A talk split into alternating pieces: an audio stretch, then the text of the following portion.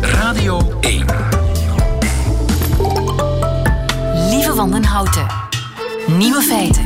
Dag, dit is de podcast van Nieuwe Feiten, geïnspireerd op de uitzending van donderdag 23 januari 2020. In het nieuws vandaag dat in New York een man erin geslaagd is om bier officieel te laten erkennen als dier. Meer bepaald als steundier. In de Verenigde Staten kan je een huisdier laten erkennen als emotionele assistent, namelijk. Dan mag het beest overal mee naar binnen, restaurant, winkel, openbaar vervoer, vliegtuig en allemaal gratis. De meest exotische dieren kregen al erkenning. Zo zijn er al steunhonden op vliegtuigen gezien, maar ook steuneenden. Er bestaan steunvarkens, steunkippen, steunpauwen, steunkangoeroes en zelfs steunkrokodillen. Allemaal schepselen gods met pootjes en een bloedsomloop, maar dat staat nergens met zoveel woorden in de wet dat dat nodig is. En van dat gat in de voorschriften heeft de man gewiekst gebruik gemaakt om bier te mee, mee te mogen nemen op de bus tegen zijn sociale angststoornis. Alcohol op de bus is in Amerika verboden, maar erkend steunbier mag natuurlijk wel. Hoe Belgisch wil je het hebben? De andere nieuwe feiten vandaag. Vegetariërs die te veel extra vitamine B12 slikken, die lopen allicht gevaar. Sonos maakt de luidspreker die u wilt vervangen van op afstand onklaar, zodat u hem niet meer kan verkopen. Zwitserland gaat per referendum beslissen of homofobie uit de strafwet moet. En bepaalde therapieën tegen trauma's die kunnen valse herinneringen uitlokken. De nieuwe feiten van Bas Birker hoort u in zijn middagjournaal. Veel plezier. Nieuwe feiten. Sonos, u kent ze wel, die hippe speakers. Die Sonos, die wordt soms moedwillig kapot gemaakt door het bedrijf zelf. Om te vermijden dat die Sonos op de tweede markt tweedehandsmarkt terechtkomt. Dominique Dekmijn van de Standaard. Goedemiddag. Je bent huisman ja, vandaag. Goedemiddag. Kindje thuis. Uh, vandaag huisman, inderdaad. Uh, dus er kan af en toe een, een beetje kindergeweld huiselijk, huiselijk geweld, daar hebben wij alle begrip voor. Ja. Uh, eerst en vooral, ik, het lijkt mij sterk dat een bedrijf zijn eigen materiaal kapot maakt. Klopt het? Heeft Sonos al bevestigd dat ze inderdaad haar eigen toestellen in sommige gevallen onklaar maakt? Ja, inderdaad.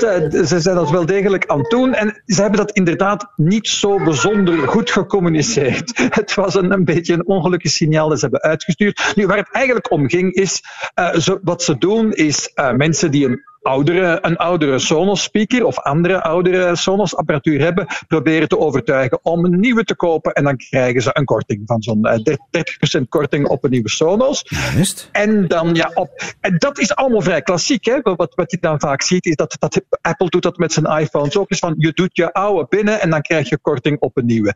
Juist. Alleen dacht Sonos van, ja, waarom zouden we... De, we gaan het de mensen niet te moeilijk maken. Je hoeft die oude niet binnen te sturen. Al dat we moeten... Uh, doen is eigenlijk zeker zijn dat je hem niet door, doorverkoopt aan iemand anders. Want dan is het natuurlijk, je, je kan niet hetzelfde toestel inruilen voor een nieuwe en doorverkopen aan iemand anders. Dan heb je het twee keer verkocht. dus dat is okay. een beetje moeilijk. Ja. Uh, dus het, dus het, het, idee was van je hoeft ze niet terug te sturen, maar toch zijn we zeker dat je ze niet doorverkoopt, want we maken ze onklaar. Maar ja, natuurlijk, dat Op afstand maken ze toch... die toestellen onklaar. Ja. En dat doen en ze dat omdat jij een, een soort recycle-modus vakje aanklikt ja, je hebt hem op een formulier. Ja, ja, hem, ja. Ja. Je hebt gezegd, ik doe hem binnen voor een nieuwe. Ik, ik, krijg de korting op de nieuwe, ik ontvang mijn nieuwe. En dan enkele weken later stopt die, die oude met werken. Dus, en zo weten ze inderdaad dat, dat je niet en verkocht hebt en tegelijk ook ingeruild. Dus je ziet ergens de redenering wel. Maar natuurlijk, een toestel dat nog perfect werkt, van op afstand onklaar maken, uh, ook als je er zelf uh, bewust mee instemt, ja, dat is toch een beetje een fout signaal. Ja. Maar kan ik hem ook per ongeluk in recycle-modus zetten? Dat lijkt me heel, heel onwaarschijnlijk dat, uh, dat iemand dat zou doen. Nee, dat, nee, dat, lijkt, dat lijkt me heel om. Het zou misschien eens kunnen gebeuren en dat zou, dat zou jammer zijn. Nee, dit, de, die hele procedure begint, maar als je begint met zeggen van ik wil hem inruilen voor een nieuwe. Ja, en hij is dan echt niet meer te redden. Ik kan, ik kan daar dan niets anders... Er komt gewoon geen geluid meer uit.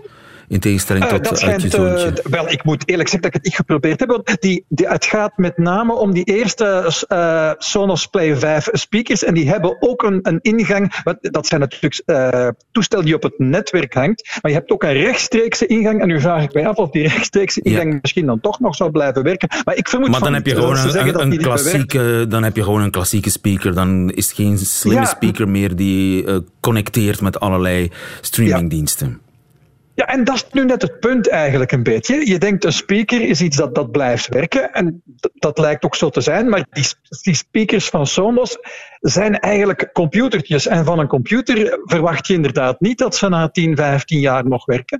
Uh, en, en dat, is, ja, is een dubbel signaal naar mensen toe. Hè. Veel mensen kopen zo'n Sonos speaker, want die is niet goedkoop. Kopen dat met het idee, ik koop dat voor altijd, of toch minstens voor, uh, ik kan daar nog jaren mee voort. En nu blijkt eigenlijk dat, ja, eigenlijk zeggen ze nu, ja, die software-updates voor een toestel, die doen we toch maar vijf jaar nadat die, dat die uit de handel wordt genomen. Dus als je nu een toestel koopt, kan dat al zijn dat binnen vijf jaar die software uh, niet meer ondersteund wordt. En dan ja, dan zit je eigenlijk al met een toestel dat, dat, uh, dat einde leven is. Dat voelt, dat voelt een beetje verkeerd. Maar ja, het standpunt van Sonos daarin is van ja, sorry, we kunnen het niet aan doen. De technologie evolueert snel. En die oude speakers van, uh, het gaat over toestellen van, van, van tien jaar oud. Um, ja, en ouder, 15 jaar oud. Sonos dat, dat draait al bijna 20 jaar mee. Ja, we kunnen niet garanderen dat die nog goed samenwerken met de speakers van nu. En we kunnen evenmin uh, garanderen uh, dat, dat ze bijvoorbeeld nog op, op de huidige netwerken werken. Alles, ja. alles evolueert. We kunnen dat niet meer doen. En op dat moment uh, ja, willen we niet dat, dat ze dan voor veel geld nog verkocht worden tweedehands. We willen die tweedehands toestellen liever van de markt halen, zodat je altijd als je Sonos koopt, dat die kan werken met de andere Sonossen die nu in de winkel liggen en dat het, dat het thuis kan werken. En die redenering, ja, die redenering klopt wel hoor. Ik kan, ja. kan het ook wel volgen. Ja, maar het, het zijn een alleen, soort ja. trucken van de voor eigenlijk om mensen nieuwe toestellen te laten kopen. Hè? En de oude dan zeker niet nee, in dus concurrentie te laten te komen. Wel, ja, te zeggen zo. Ja, wat ze zeker proberen te doen, is dat er geen te grote tweedehandsmarkt is. Nee, ze, ze, niemand, niemand wordt gedwongen van zijn toestel uh, in die recycle mode te zetten. Dat is alleen als je een nieuwe wil kopen. Hè. Is, dat is een, een volledig ja. optioneel aanbod. Maar wat ze intussen wel gedaan hebben, net deze week, is dat ze gezegd hebben van, ah ja, die toestellen die, die ze dus van de markt proberen te halen, zo, die, ze, die, die ze in die recycle mode zetten, die krijgen nu voortaan ook geen software updates meer. Dus dat wil zeggen dat ze op in, na verloop van tijd niet meer naar behoren, of misschien zelfs helemaal niet meer zullen werken, of je ze nu in recycle mode hebt gezet of niet. Dus ja, de, de, de dwang wordt daar nu een beetje Er worden allerlei trucken aangewend. Zit dat in de legaliteit nog? Dat mag. Oh, ik, ik, ik, niet dat, ik, ik, zie dat, ik denk niet dat daar het probleem zit. Het is meer een, een, ongelukkige communicatie. Plus dat je je natuurlijk moet realiseren, effectief, zo'n slimme speaker is niet hetzelfde als een luidspreker van vroeger. En hoewel hij uh, behoorlijk veel kost, zo'n Sonos, is het geen eigenlijk geen duurzaam materiaal. En dat is een beetje een schokkende realisatie, maar ik denk dat je er technisch ook niet omheen komt. Daar zit, daar zit, daar zit een computertje in. Dat was in de tijd zo revolutionair ja. aan die Sonossen. En ze verkopen zichzelf wel als heel erg duurzaam, maar zo duurzaam zijn ze nu ook weer niet. Nee, nee. En dat is, het is daarom een heel ongelukkig signaal dat je dan ook nog eens die dingen probeert ja, op afstand af te gaan zetten. Zodat ja. ze dan. Uh, ja, zij zeggen wel van ja, en we verwachten dan van jou dat je, dat je ze naar de dichtstbijzijnde recyclage-instelling uh, brengt. Ja, oké, okay, maar ja, kunnen ze dan ook moeilijk controleren. Dus het is toch een ongelukkig signaal. Ja. Zijn er, zouden er nog merken zijn die dit doen?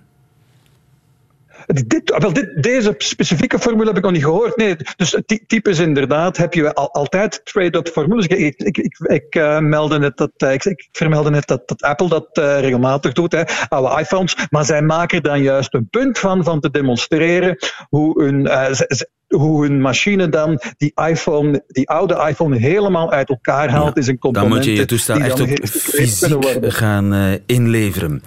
Duidelijk. Dankjewel Dominique Dekmijn. Goedemiddag. Graag gedaan. Dag. Nieuwe feiten. Je dingen herinneren die niet hebben plaatsgevonden. Dat bestaat, valse herinneringen. En die kunnen het gevolg zijn van therapie, blijkt uit onderzoek van Sanne Houben. Goedemiddag, Sanne. Goedemiddag. Je bent onderzoeker aan de Universiteit van Maastricht. En je hebt een experiment gedaan met een therapie die vaak gebruikt wordt bij trauma's. Welke therapie is dat? Ja, klopt. Ehm, we hebben onderzoek gedaan naar EMDR. Eh, e het staat voor Eye Movement Desensitization and Reprocessing. Maar EMDR, EMDR traumabehandeling. Is dat met die oogbewegingen? Dat klopt inderdaad. EMDR maakt gebruik van oogbewegingen tijdens het ophalen van een uh, traumatische herinnering. En wat doet dat? Nou, wat een therapeut eigenlijk doet, is dat een patiënt gevraagd wordt om uh, de traumatische herinnering op te halen. Dus het meest beladen moment van die herinnering.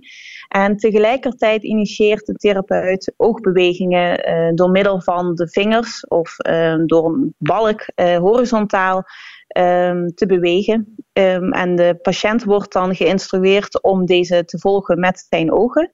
Dus tegelijkertijd moet een patiënt dan en de herinnering ophalen en oogbewegingen maken. En het resultaat daarvan is dat het trauma verzacht.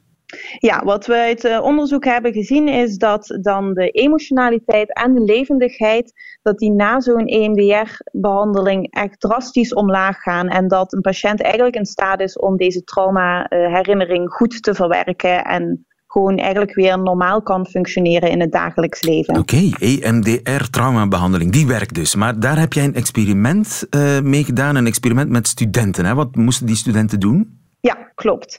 Uh, we weten namelijk inderdaad dat EMDR werkt. Dat zien we ook in klinische populaties. Maar wat we niet weten is wat het met het geheugen zelf doet. He, verandert dat? Uh, wordt dat juist beter? Wordt dat slechter? Of gaan we juist dingen herinneren die niet hebben plaatsgevonden? En dat zijn dan die uh, zogenaamde pseudo-herinneringen. En we hebben dat in eerste instantie gewoon onderzocht uh, binnen uh, studentenpopulatie hier op de universiteit. En om binnen de richtlijnen van de ethische commissie te blijven, hebben we gebruik gemaakt van woordenlijsten. En dat zijn negatieve woordenlijsten waarbij de woorden per lijst met elkaar geassocieerd zijn. Dus dan heb je bijvoorbeeld het woord uh, dood, politie, bloed, geweer, etc. Die zijn allemaal met elkaar geassocieerd en die worden ook gepresenteerd aan proefpersonen. Ja, en die proefpersonen moesten die lijst uh, memoriseren. Ja, klopt. En oh, werd gevraagd om heel goed uh, op te letten en om deze dus daarna um, te herinneren. En al deze woorden zijn ook geassocieerd met een woord dat niet gepresenteerd wordt, namelijk het woord moord in dit voorbeeld. Ja, bloed, dood, pistool. Ja. Dus je denkt, uh, dit zal over moord gaan, maar het woord moord staat niet in de lijst. Nee, het woord moord wordt helemaal niet gepresenteerd, maar het, is, het heeft wel een bepaalde associatie met al die woorden. En als proefpersonen zich dus het woord moord herinneren tijdens um, ja, ofwel een free recall, dus als ze zelf woorden mogen uh, ophalen, of als we ze een herkenningstaak geven, als we dan zien dat ze inderdaad het woord moord herinneren, dan spreken we van een pseudo-herinnering. Ja, dan herinneren ze zich een woord dat ze niet gezien hebben. Ja, exact. En was er een verschil? Want ik neem aan dat je dan die, die oogbewegingstherapie hebt uh, toegepast als de studenten die woorden moesten zich herinneren? Ja, klopt. En was er een verschil tussen, tussen een, de groep die dat uh, kreeg, die oogbewegingen, en de groep die dat niet deed? We hebben eigenlijk twee uh, experimenten uitgevoerd. In het eerste experiment hebben wij directe effecten onderzocht. Dus dan gebeurt alles eigenlijk in één sessie op één dag. Uh, daarbij waren echt geen verschillen tussen wel of niet oogbewegingen maken. Maar in het tweede experiment, uh, daar hebben we wat meer tijd tussen gelaten tussen het aanbieden van de stimuli en de herkenningstaak zelf. En dan zien we dat proefpersonen die oogbewegingen hebben gemaakt, dat die in eerste instantie veel meer correcte woorden herinneren, maar daarbij ook um, meer pseudo-herinneringen hadden. Aha. Dus als je na een dag of drie uh, een beroep doet op de proefkonijnen hun geheugen, dan blijkt er wel degelijk een verschil tussen de mensen die dat moeten doen onder therapie, dan de mensen die dat uh, zonder therapie moeten doen. Ja, klopt. En hun geheugen wordt beter door de therapie, maar ze creëren ook valse herinneringen. Ja, klopt. En vanuit theorie kan dat op zich ook wel. Wat we vanuit de theorie ook uh, zien, is dat hoe meer woorden dat je herinnert. Uh, en hoe meer eigenlijk knopen zeg maar, in jouw netwerk geactiveerd worden, des te groter de kans ook is dat zo'n foutieve knoop ook per ongeluk geactiveerd wordt. En dan denk je dus dat je inderdaad dat woord inderdaad hebt gezien en herinnerd, maar wat dus in feite niet zo is. Het geheugen gaat als het ware in overdrive. Ja. Onder invloed van die oogbewegingen. Ja. Dus die oogbewegingen creëren valse herinneringen. Dus het kan zijn dat in therapie, in het ware leven, als je echt trauma's probeert te behandelen, dat er plots een mhm. herinnering bovenkomt die vals is. Dat zou kunnen. En kan dat kwaad? Um, ja en nee. Het ligt er ook natuurlijk een beetje aan uh, wat er gebeurt verder met die herinnering. Uh, wat, we, wat we namelijk hebben gezien is dat vaak um, een herinnering tijdens de therapie naar boven komt. En stel een patiënt besluit op basis van die herinnering een aangifte te doen. Uh, stel bijvoorbeeld hè, tijdens de therapie komt een herinnering aan seksueel misbruik naar voren. En de patiënt besluit uh, op basis hiervan aangifte te doen tegen de vermeende dader. Ja, dan is, blijft er toch die kans dat dat een pseudo-herinnering is. En dan heb je dus kans dat het een rechterlijke dwaling wordt. Zijn alle verdrongen herinneringen die plots aan de oppervlakte komen tijdens therapie vals? Uh, nee, zeker niet. Um, we kunnen het helaas niet zo zwart-wit zeggen. Het is echt een grijs gebied. Um, en dat moet echt gewoon per patiënt um, bekeken worden van hoe is de herinnering tot stand gekomen, wanneer is de eerste keer dat deze patiënt hierover heeft gesproken. Dus er is wel echt meer wat er uh, onderzocht moet worden om echt definitief te kunnen zeggen of dit waarschijnlijk een pseudo-herinnering is of echt een authentieke herinnering. Want er zijn ook wetenschappers die zeggen verdrongen herinneringen, dat bestaat niet. Maar dat zegt u niet, voor alle duidelijkheid. Uh, nou, pseudo-herinnering en verdrongen herinnering is niet exact hetzelfde. Onder uh, verdrongen herinnering verstaan we dat er een herinnering is waarbij je jaren niet aan hebt gedacht.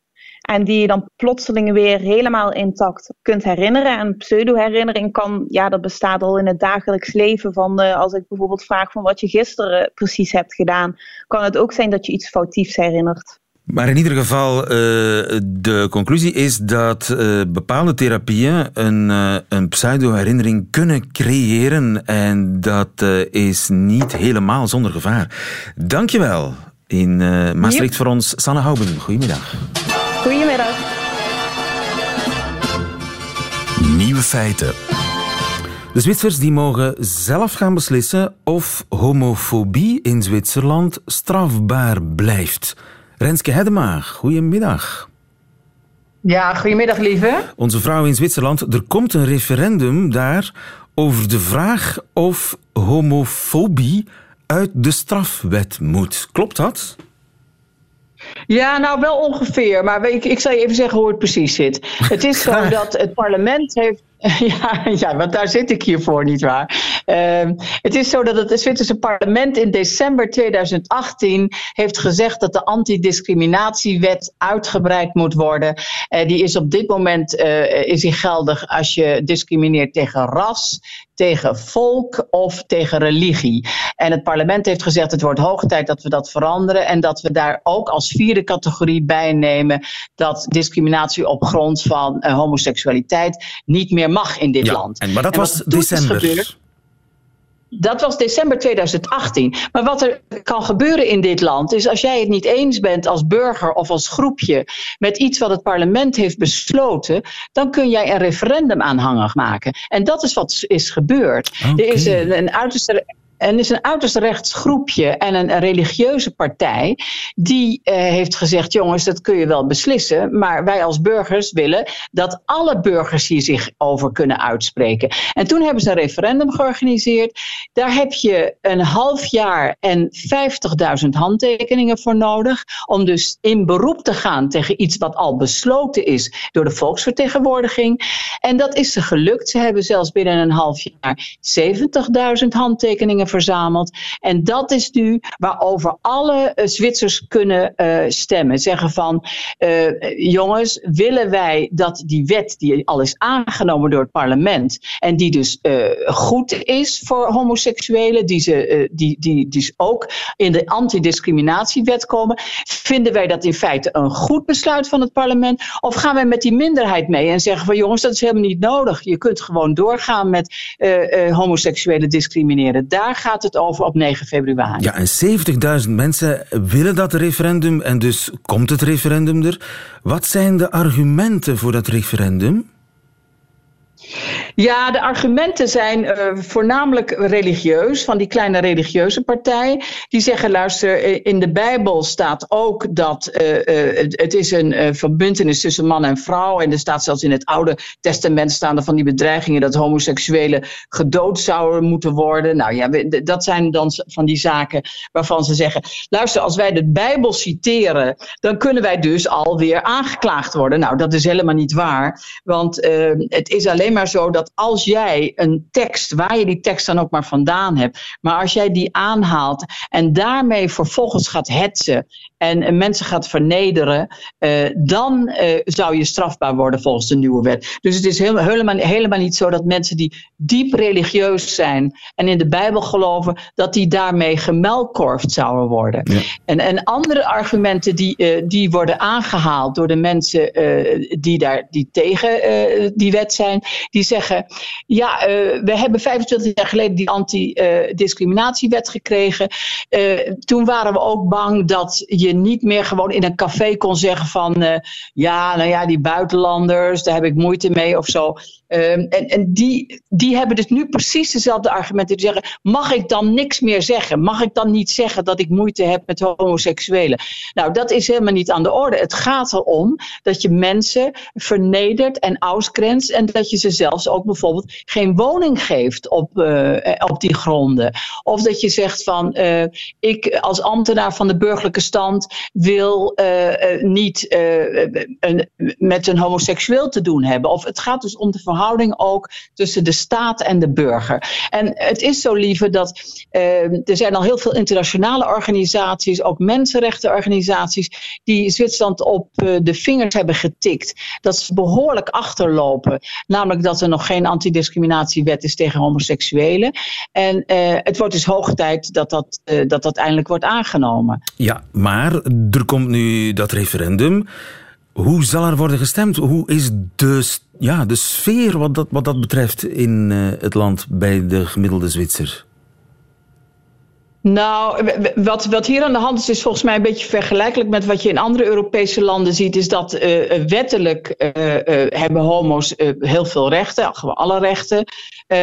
maar ja, officieel mogen ze nog niet trouwen, maar er is wel geregistreerd partnerschap hier. Het homohuwelijk komt er ook aan, dat zal er ook wel doorkomen. Dus dat soort dingen lopen wel. Maar dat wil niet zeggen dat er niet toch onder de gordel wel discriminatie is dat, uh, dat homo's zich en lesbiennes zich bedreigd voelen, dat ze niet hand in hand durven te lopen op straat. Uh, we hebben in de oudejaarsnacht hier in Zurich uh, een voorval gehad waarbij homo's in elkaar zijn geslagen. Ze werden gevraagd door een aantal jongelui, zijn jullie homo? En zij zeiden ja. Daarop werden ze totaal verbouwd.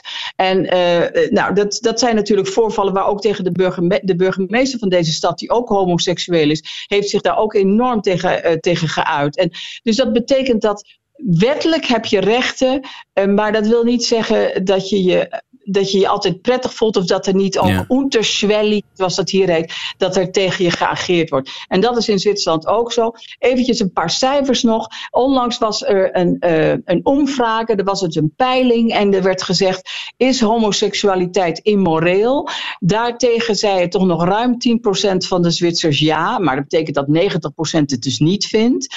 En uh, bent u voor of tegen het homohuwelijk? Daar was uh, eh, 20% van tegen, maar 80% is er dan voor. Ja. Dus uh, als je mij dan vraagt hoe gaat, dit, uh, hoe gaat dit aflopen op 9 februari, dan denk ik, en de peilingen die onderschrijven dat, dat de Zwitsers uh, gewoon zullen zeggen: jongens, discriminatie tegen homoseksuelen wordt opgenomen in de antidiscriminatiewet. En wij zijn daar in meerderheid voor. Ja, want Zwitserland is wat dat betreft niet zo heel erg verschillend van pakweg Frankrijk, België, Nederland. Nee, dat denk ik niet, lieve. Dankjewel in Zurich voor onze Renske Hedema. Goedemiddag. Goedemiddag. Nieuwe feiten. Radio 1. Bent Bent u vegetariër, dan is de kans groot dat u extra vitamine B12 slikt. Wel, dat is niet zonder gevaar. Goedemiddag, Stefan Bakker. Goedemiddag. U bent hoogleraar uh, in Groningen aan uh, het UMC Groningen. Te veel vitamine B12 is niet goed, is de conclusie van uw uh, onderzoek.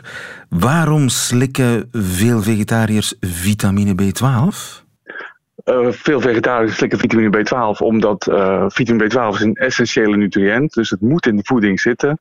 En vitamine B12 zit alleen in dierlijke voedingsmiddelen van dierlijke aard. Um, dus als je een vegetarisch of een veganistisch dieet hebt, dan, dan moet je het op een andere manier binnenkrijgen. Um, dus het is heel dan, verstandig om extra vitamine B12 te slikken als je vegetariër of veganist bent. Ja, dat is zeker zo. Alhoewel het in veel vleesvervangers al gewoon verwerkt zit ook. Maar te veel is ook niet goed. Wat kan er gebeuren als je te veel binnenkrijgt? Nou, we hebben niet uh, gekeken naar hoeveel je binnenkrijgt. Uh, we hebben alleen gekeken naar de plasmaconcentraties uh, van vitamine B12. Dus de bloedconcentratie van vitamine B12. En hoe die geassocieerd zijn met toekomstig overlijden. En wat is en, de conclusie? De conclusie is dat hoe hoger de plasmaconcentratie, en dat is eigenlijk wat, uh, wat je al vindt binnen de wat beschouwd wordt als de normale range, uh, hoe hoger de plasmaconcentratie, hoe hoger de kans op voortijdig overlijden in de toekomst. Ik begrijp u heel even niet zo goed hoor. Dus plasmaconcentratie. Wat bedoelt u met plasmaconcentratie? Vitamine B12 zoals het in het bloed circuleert. Ja. En dus er is een verband tussen een hoog vitamine B12-gehalte in het bloedplasma en vroegtijdig overlijden. Ja, uh, dat is geen oorzakelijk verband wat we hebben gevonden. Uh, tenminste, je kan, uh, het zou kunnen zijn dat het oorzakelijk is, maar daarvoor is de studie niet ingericht. Het is een observationele studie, dus je mag geen conclusies verbinden aan zoals oorzaak-gevolg. Ja. dus het is, een eerste signaal, het is een eerste signaal dat er misschien wel iets mis is met te veel B12 in je bloed. Ja, dat is een eerste signaal, ja. En zou er een oorzakelijk verband kunnen zijn? Is dat logisch te verklaren, denkt u? Theoretisch is er een oorzakelijk verband te bedenken. Uh, een van de dingen is bijvoorbeeld dat uh, uh, normaal produceren onze darmbacteriën een beetje vitamine B12 dat is te weinig om uh, voldoende te zijn om onze uh, vitamine B12 vo, uh, behoefte te voldoen. Maar als je veel slikt, dan kunnen er juist darmbacteriën gaan groeien die vitamine B12 als groeifactor gebruiken, die afhankelijk zijn van vitamine B12. En die kunnen weer stoffen produceren die schadelijk zijn voor het zenuwstelsel, ja. bijvoorbeeld. Ah, ja. Dus het zou kunnen dat je de boosdoeners voedsel geeft in je lijf. Ja, ja, inderdaad. Daar komt het op neer. Nu, een tekort aan vitamine B12 uh, is ook gevaarlijk. Wat is het gevaar daarvan? Het tekort aan vitamine B12 is het gevaar dat je bloedarmoede krijgt. En ook dat is schadelijk voor het zenuwstelsel. Uh, vitamine B12 speelt een essentiële rol in het ontgiften van het lichaam. En voor het uh, repareren van eiwitten die, door, uh, die beschadigd zijn uh, door verouderingsprocessen eigenlijk. Ja. Dus uh, wat moet ik daar nu mee met die informatie? ik moet vitamine B12 nou, slikken? Belangrijk is denk ik dat u zich realiseert dat in de meeste supplementen van vitamine B12 de dagelijkse behoefte in Nederland zoals die is afgegeven is 2,8 microgram per dag. Dus dat is heel weinig. Ja. En in veel voedingssupplementen zit um, 100 tot 1000 microgram per dag. Dus dat is een factor 30 tot 300 keer zoveel. Een factor 30 oh, tot 300 keer zoveel dan, dan de dagelijks aanbevolen hoeveelheid? Ja, en dat is eigenlijk de, de, die hoeveelheid die zo hoog is, is uh, ingericht, denk ik althans, om uh, mensen die pen, zogenaamde pernicieuze anemie, dus die echt vitamine B12 niet uit het voedsel kunnen opnemen, toch uit de darm voldoende te laten opnemen. Omdat dan de normale opnamemechanismes niet meer functioneren. En dan moet je dus een hele hoge Juist. Ja, gradiënt naar binnen toe creëren om toch op te nemen. Maar dat is bij, eigenlijk bij bij bijna geen uh, persoon van de normale bevolking het geval. En dan is het dus echt uh, flink te veel. Dus de bestaande vitamine B12 supplementen die zijn eigenlijk bedoeld voor een hele kleine groep mensen die uh, niet genoeg van zichzelf vitamine B12 hebben of die, die nou, daar Ik weet niet of het zo bedoeld is, maar zo, zo zou ik de gebruikte hoeveelheden interpreteren. Ja. ja. En zijn er ook uh, voedingssupplementen die minder vitamine B12 uh, uh, bevatten en die dus meer geschikt zijn voor de doorsnee vegetariër? Ongetwijfeld bestaan die, maar ehm, daar heb ik zelf niet op gescreend. Ik heb gewoon onze publicatie is niet bedoeld geweest om de inname van B12 uh, aan de kaak te stellen. Uh, onze publicatie is bedoeld geweest om te kijken. Wij waren verbaasd over het feit dat er, er waren steeds meer onderzoeken die lieten zien dat hoge uh, plasma vitamine B12 concentraties, bloedvitamine B12 concentraties geassocieerd zijn met voortijdig overlijden. En die associatie klopt wel. Nu, zeg nog één keer hoeveel vitamine B12 de normale mens per dag nodig heeft. De normale vegetariër, zeg maar. Um, 2,8 microgram per dag is de aanbevolen hoeveelheid. 2,8 microgram per dag. Dat moet op het doosje staan. Ja. Dan, dan zit je goed. Dat zou eigenlijk op. Ja, dat zou, dan zou je goed zitten. Ja. Dankjewel, Stefan Bakker. Goedemiddag. Graag gedaan, oké. Dat waren de nieuwe feiten van 23 januari 2020. Alleen nog die van Bas Birker krijgt u in zijn middagjournaal. Nieuwe feiten. Middagjournaal. Liefste landgenoten. Ik moest even wachten tot mijn initiële woede was gaan liggen. Soms is het beter om even te zwijgen en na te denken over je standpunt. Als meer mensen dat zouden doen, was de wereld een betere plek. Dan het Joker schouwvliegen niet het stempel paranoïde en bestond Temptation Island niet. Ik dacht een paar dagen na, vormde een mening en kwam erachter dat ik nog net zo boos was als op het moment dat ik het nieuws van de week vernam.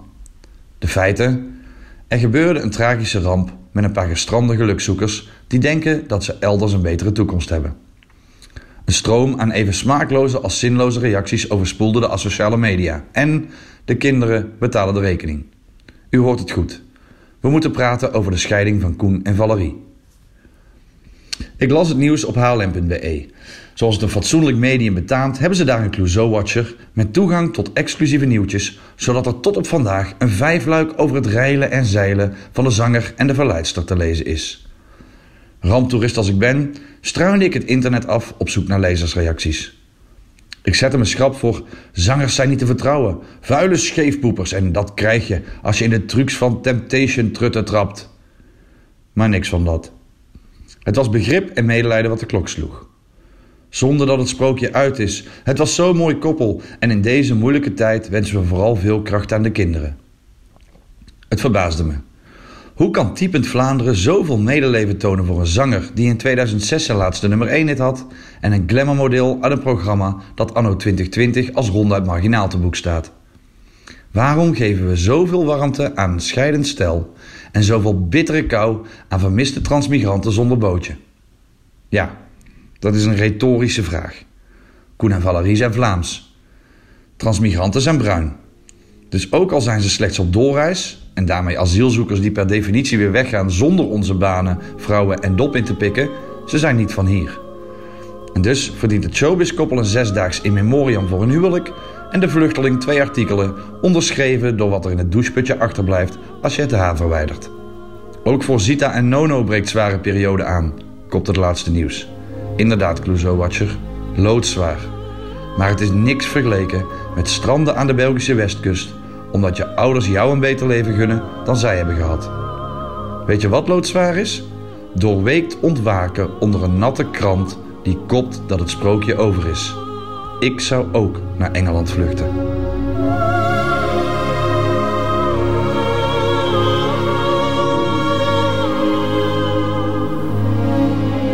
Middagjournaal met Bas Birker. Einde van deze podcast hoort u liever de volledige uitzending van Nieuwe Feiten. Met de muziek erbij en alle poespas, jingles en berichtjes tussendoor. Dan kunt u terecht op onze luisterapp, de app van Radio 1. Meer podcasts vindt u ook op onze website. Tot een volgende keer.